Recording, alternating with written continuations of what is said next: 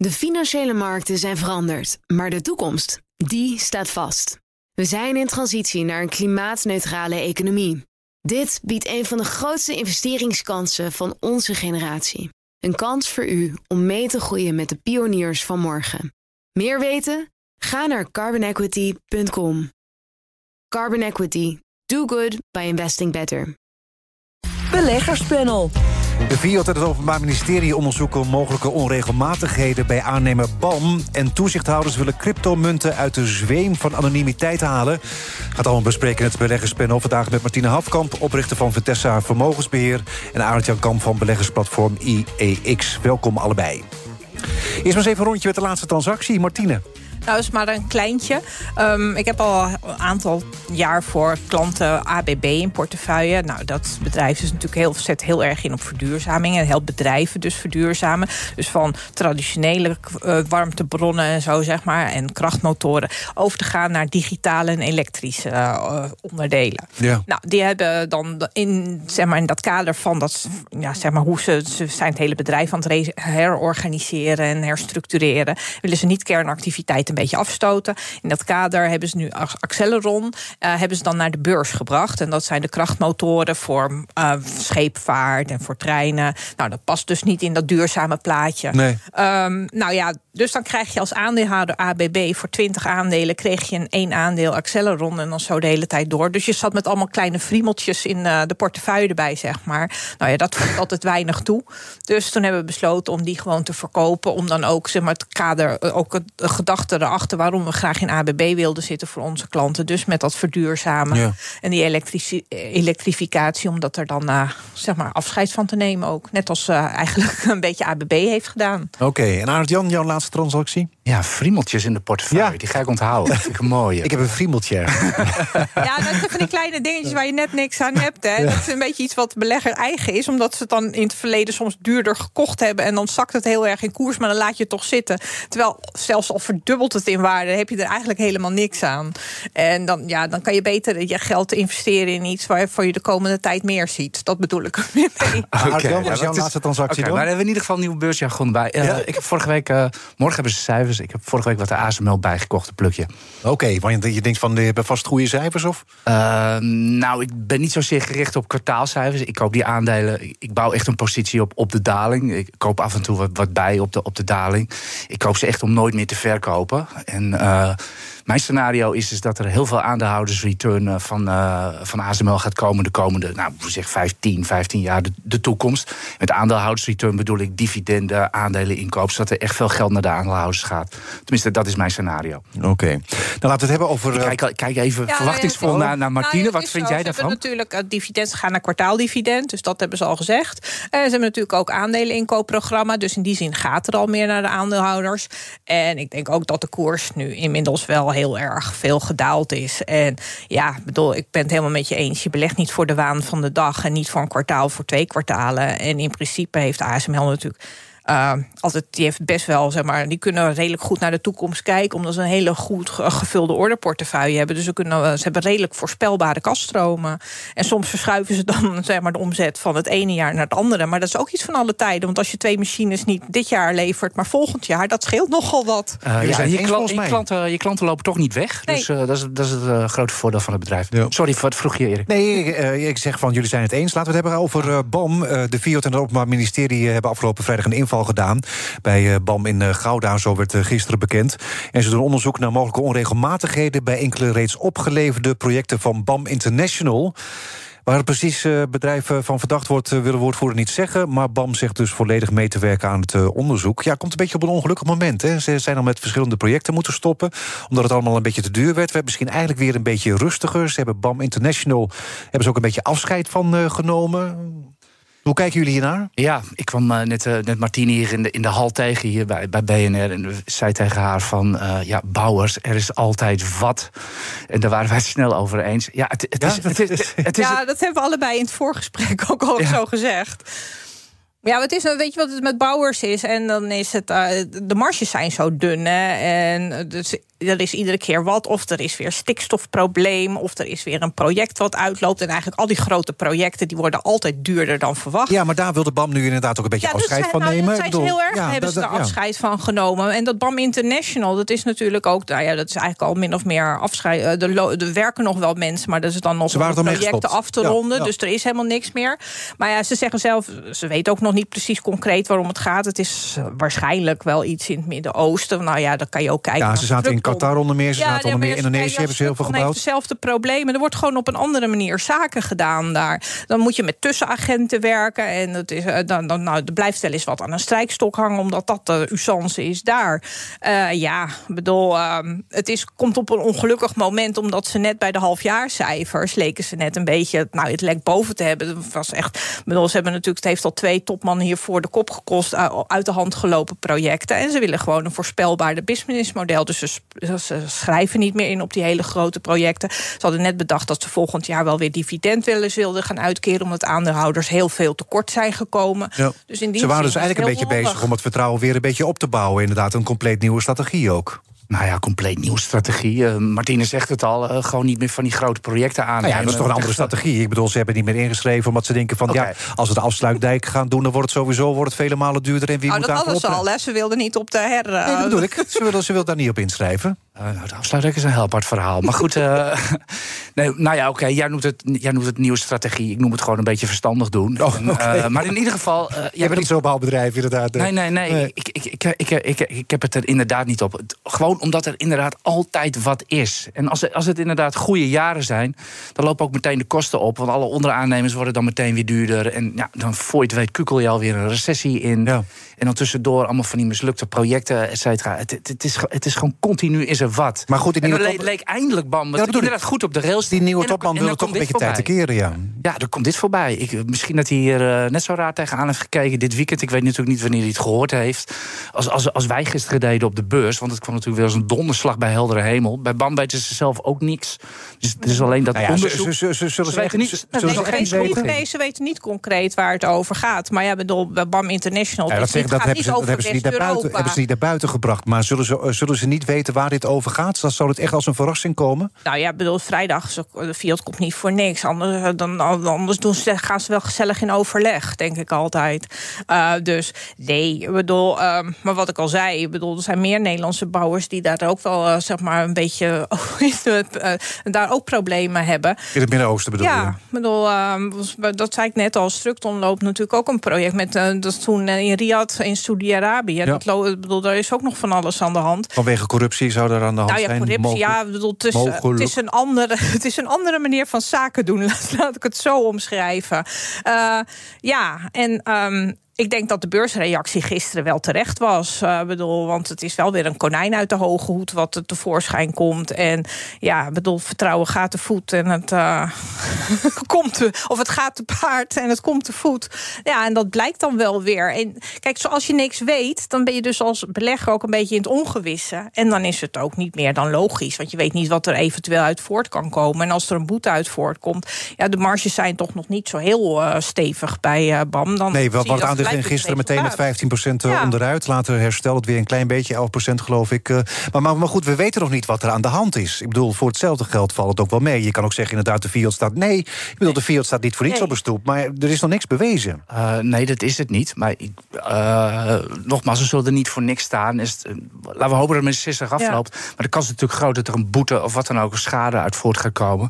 Nou, Martine noemde het al even. Dan is meteen de winst weer weg. Dan kun je naar dividend fluiten. En ja, nogmaals, je weet als belegger op dit moment totaal niet wat de financiële consequenties zijn. En daar gaat het om. En dus is het heel moeilijk om nu, nu te beslissen over wat je, wat je met het aandeel doet. Ja. ja, het zal me niet verbazen als analisten er ook no rating of zoiets op gaan plakken. Ze weten, je weet het gewoon op dit moment niet. Nee, maar BAM heeft zich nu teruggetrokken naar Nederland, Verenigd Koninkrijk en uh, Ierland. Is dat dan verstandig dat ze een beetje wegblijven uit moeilijke landen? Nou ja, wel, uh, er, is wel, er is wel veel meer focus gekomen. Dus wat dat betreft, ja, er valt ook weer, uh, ook weer die, voor die credits voor de topman. Dat hij ja, meer, die business er gewoon veel meer focust. Maar ja, dan komt weer dit voorbij. Ja, ik, uh, ja, ik denk dat hij er zelf ook wel gefrustreerd over is. Oké, okay, nou we gaan eens naar de crypto's. BNR Nieuwsradio. Zaken doen. Edwin Mooibroek. We zitten midden in het beleggerspanel vandaag met eh, Martine Hafkamp, oprichter van Vintessa Vermogensbeheer en Arend-Jan Kamp van beleggersplatform IEX. Ja, toezichthouders die vinden het hoog tijd voor eh, strenge toezicht op eh, cryptomunten. Het Financial Stability Board, oftewel FSB, dat is een samenwerkingsverband van autoriteiten uit ruim 20 landen, staat onder voorzitterschap van DNB-president Klaas Knot.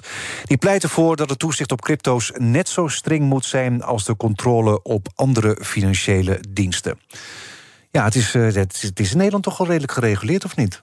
Nou, niet bepaald. In, maar in Nederland, ik bedoel, alle, alle, alle cryptobedrijven in Nederland... die moeten toch aan allerlei voorwaarden voldoen al? Uh, nou, zolang dat, dat is ik... allemaal nog licht regime, hoor. Nou, ja, is, dat, is dat lichter in ja. vergelijking met... de? Het is in vergelijking met, met het regime... wat inderdaad op de aandelenobligatie, uh, valuta en, ja. en grondstoffenmarkt is... Is het, uh, is, het, is het Wild West. Is het nog steeds Wild West, ook bij de Nederlandse crypto? Dus nou, zijn... om, je, om je een voorbeeldje te geven. Ik heb, ik heb financiële mensen, bankiers, wat, wat dan ook... gewoon in, in het beleggerswereldje... heb ik nooit zo kwaad gezien...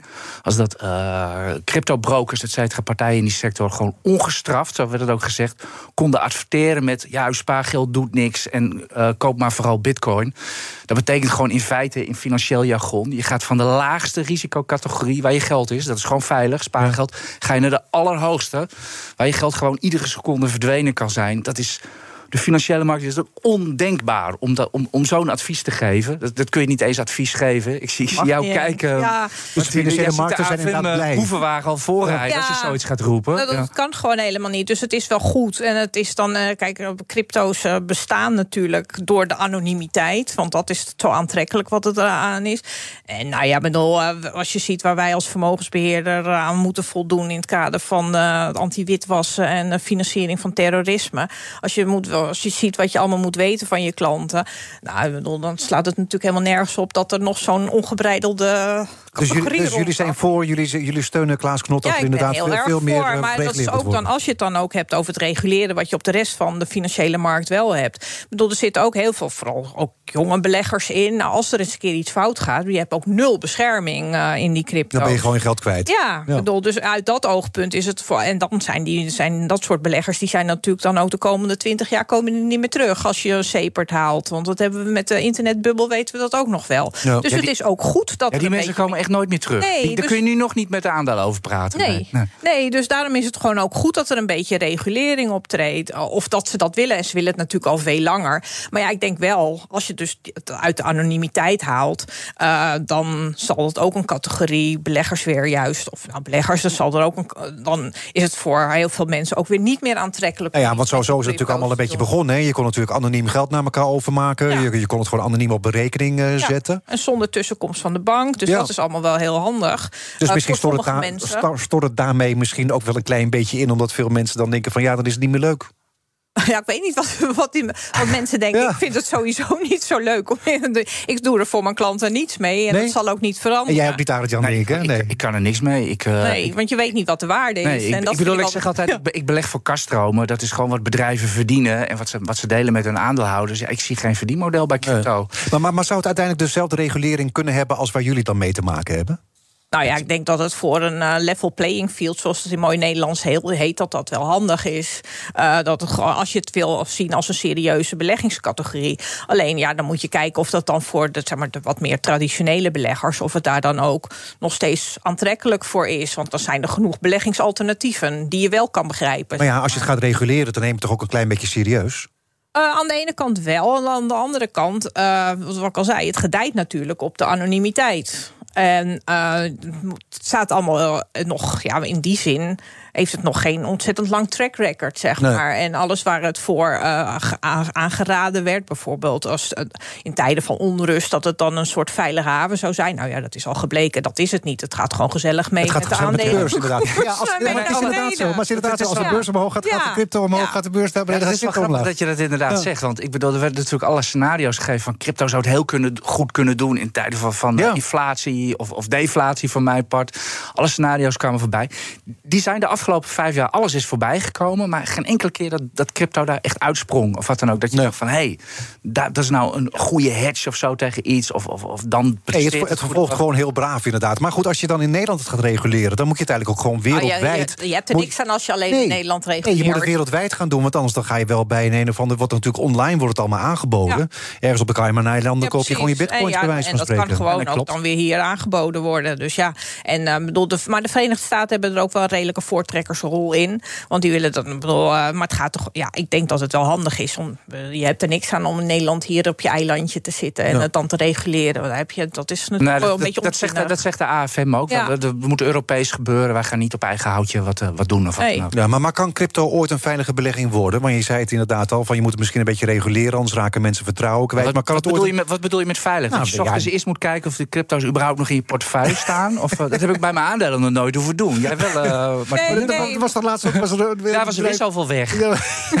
ja, dat ga je er niet in zitten met je geld, denk ik. Maar goed. Uh, ik, ik het geldt dus niet, hè, als ik jou begrijp. Ja, maar goed, bedoel je dat met veilig? Of dat je zegt van het is een gegarandeerde belegging of zo? Nou, nou, nou dat je in ieder geval, dat in ieder geval niet. Ik reageer op wat Martine zegt. Die zegt ze van, dan hebben mensen zijn vertrouwen kwijt als je niet reguleert. Maar ik bedoel, nou, hoe... Ja, nou ja, kijk, bedoel, is, je hebt altijd... aandelen wel altijd een nou, veilige ja, belegging? Nou, maar je kan het ook, bedoel, je hebt ook mensen die zitten in goud... omdat ze dat uh, heel leuk en veilig vinden. Maar daar zit ook, bedoel, dan, die, vinden dat weer fijn. Maar het is wel allemaal zijn gereguleerde markten. Uh, en als je dat wil bij crypto inderdaad kan zo woep woep weg zijn. En uh, niet dat dat gelijk zo is. Maar ja, dan krijg je natuurlijk ook nog weer alle discussies die je er verder over hebt. Natuurlijk over de stablecoins die er nog onder zitten. Ja. Dat die ook niet zo veilig zijn als ja, niemand weet wat gedaan Ja, okay. niemand weet wat erin zit. Jullie, en, jullie uh, moeten er niks van hebben. Laten nee, we hebben het wel enthousiast gebracht. Ja, oké. Okay, laten we naar een ander onderwerp gaan. Want het rommelt al een tijdje bij Credit Suisse. De bank woep, zit in de financiële problemen. Ik ben even aan het woord. De bank zit in de financiële problemen na een spionageschandaal. Een strafrechtelijk onderzoek en miljarden verlies op mogelijke fraudegevallen. Nou, de nieuwe CEO die wil de bank reorganiseren, maar het is nog maar de vraag tegen welke prijs dat moet gaan gebeuren. Ja, ze hebben geschikt in een Amerikaanse zaak. Hè. Die draait om transacties van hypotheekobligaties. Want volgens de aanklagers had de bank beleggers misleid. Wat hadden ze gedaan trouwens? Ze hadden op de valutamarkt van die, van die chatgroepen van traders. Die, ja, die wisselen natuurlijk nog wel eens wat uit. En uh, ja, en, zo gaat dat. Nou, en ze hadden natuurlijk niet goed voorgelegd over die mortgage-backed securities, dus die verpakte hypotheekleningen. Uh, dit speelt dus de kredietcrisis, al. Dit, ja, dit, dit, wou ik net zeggen. Dit speelt nog. Dit is dus uit de kredietcrisis. Dus moet je kijken hoeveel jaar later daar nu dan een schikking voor gekomen is. Dus hoeveel na-effecten die kredietcrisis eigenlijk nog steeds heeft. Nou, dan kan je op het eerste gezicht zeggen, nou hartstikke leuk, want ze was een, er lag een claim van 3 miljard. En Ja. het is geschikt Dan voor valt dit nog wel mee, 4,95. toch? Ja, dan denk je nou hartstikke fijn. Ja. Maar ik bedoel, het is ook niet uh, dat beleggers dan wild enthousiast op Nee, reageren. maar het is ook niet de eerste keer, toch, dat ze hebben Nee, en geschikt? er, en er loopt nog wel meer natuurlijk. Het is een lange hè? reeks. Ja, Ja, echt, ik bedoel, en er, en er komt nog heel veel ellende komt er nog, uh, moet er nog aankomen. Want ze hebben nog natuurlijk spionagezaak, dat ze hun eigen personeel aan het bespioneren zijn. Ja, een oud-directeur, die hebben ze Ja, gewoon gevolgd, inderdaad. Ja. En uh, dan komt er natuurlijk nog alle afhandeling van claims uit. Gewoon allemaal wat ze toen natuurlijk met Argeo... Je zou nog eerder in de Ja, crypto's ja, ja. gaan dan bij... Nee, grapje. Nou, nee, ja, nou ja, dat, dan, kijk, dat is weer heel slecht. Want die Suisse is wel een, uh, Ja. een systeembank. Ja. Dus er is wel wat aan de hand, zeg maar. En uh, kijk, het is, dat, nu zeggen ze dan van... je moet kijken hoeveel geld er dan zeg maar, bij moet. En of uh, zeggen ze zelf... Nee, Ja, wat hebben ze genoeg kapitaal, inderdaad? Ja, nou ja, daar, gaan de, daar zijn de meningen over verdeeld. Verschillende analisten denken daar wel iets anders over. Maar ze, ze zijn zelf bij hoog en belaag aan het beweren... dat ze hartstikke veilig zijn. Ja, ik weet niet of dat nou een teken aan de wand is of iets anders. Nee, nee, Nou ja, de, dat komt analisten bij IX die, die denken dat er een emissie komt. Dus dat, Ja. ze nog, dat ze nog geld moeten gaan ophalen. Dus eh, dat, dat zullen we wel zien. Eh, ik, denk- ik denk dat, eh, je noemt het allemaal al op, risicomanagers die echt niets van hun vak begrijpen. Het, het- het is, gewoon een, het is gewoon een slecht bedrijf, dat Suisse. Het wordt gewoon slecht geleid. Nou, er komt nog een grote reorganisatie Ja, aan ze, ook, doen, ze doen het gewoon niet goed. En eh, ik, denk, ik denk niet dat je heel erg bang hoeft te zijn voor de systeemcrisis of wat dan ook. Dit is echt een op zichzelf staand geval van een bank die gewoon niet goed presteert. Maar ja, eh, de, moet natuurlijk de, de, de, de SNB, de, de Zwitserse Centrale Bank, heeft natuurlijk ook een rol in. Je moet natuurlijk wel vertrouwen bewaren. Want dat is natuurlijk het grote probleem bij banken. Als dat vertrouwen eh, wegvalt, en dan kan je een olievlek gaan krijgen. Maar hoe kunnen ze dat vertrouwen dan weer terugkrijgen? Want inderdaad, de spionageschandaal. ik bedoel, eh, nu, nu weer heel veel geld hebben ze moeten schikken. Niet voor de eerste keer, er zit nog veel in het vat. Hoe bouwen ze dat vertrouwen weer op dan? Uh, nou, heel langzaam. Nou, ze gaan nu met een heel plan komen. 27 oktober samen met de cijfers. Ja, die reorganisatie. Uh, ja, maar ook, bedoel, ze hebben al gezegd dat zakenbankactiviteit eigenlijk min of meer een beetje op een laag pitje en op ze zacht gezegd komen. Weer een beetje vermogensbank worden. Uh, ja, vermogensbeheer. Maar aan de andere kant hebben we ook weer bekend dat ze waarschijnlijk vermogensbeheeractiviteit in de Verenigde Staten, dat ze daar ook voor een deel afscheid gaan nemen. En ze gaan allemaal niet kernactiviteiten gaan ze afstoten. Toch een beetje om geld te creëren, om dan die emissie die jij al ziet aankomen, dat die uh, ietsje minder groot hoeft te zijn misschien. Maar, maar, het is echt gewoon, het moet een meer voorspelbaardere cashflow moet het gaan worden. En uit het verleden, daarom kunnen dat soort dingen ook uh, gebeuren met zo'n uh, met die met die mortgage-backed securities. zeg maar, vroeger was dat redelijk normaal bij die Zwitserse banken helemaal, dat je niet echt precies uitlegde waar je nou in belegd zat.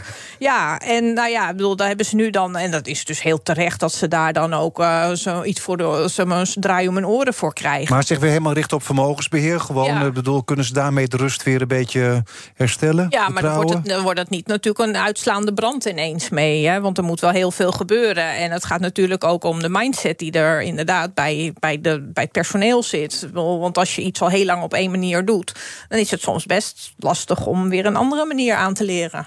Dankjewel, Martine Hafkamp, oprichter van Vitessa Vermogensbeheer... en Arend Jan Kamp van beleggersplatform IEX. Beleggerspanel wordt mede mogelijk gemaakt door Annexum. De aanbieder van vastgoedfondsen voor particulieren. Zometeen gaan we het hebben over de arbeidskansen van mensen die afstuderen tijdens de coronacrisis. Blijf De financiële markten zijn veranderd, maar de toekomst, die staat vast. We zijn in transitie naar een klimaatneutrale economie. Dit biedt een van de grootste investeringskansen van onze generatie. Een kans voor u om mee te groeien met de klimaatoplossingen van morgen. Meer weten? Ga naar carbonequity.com.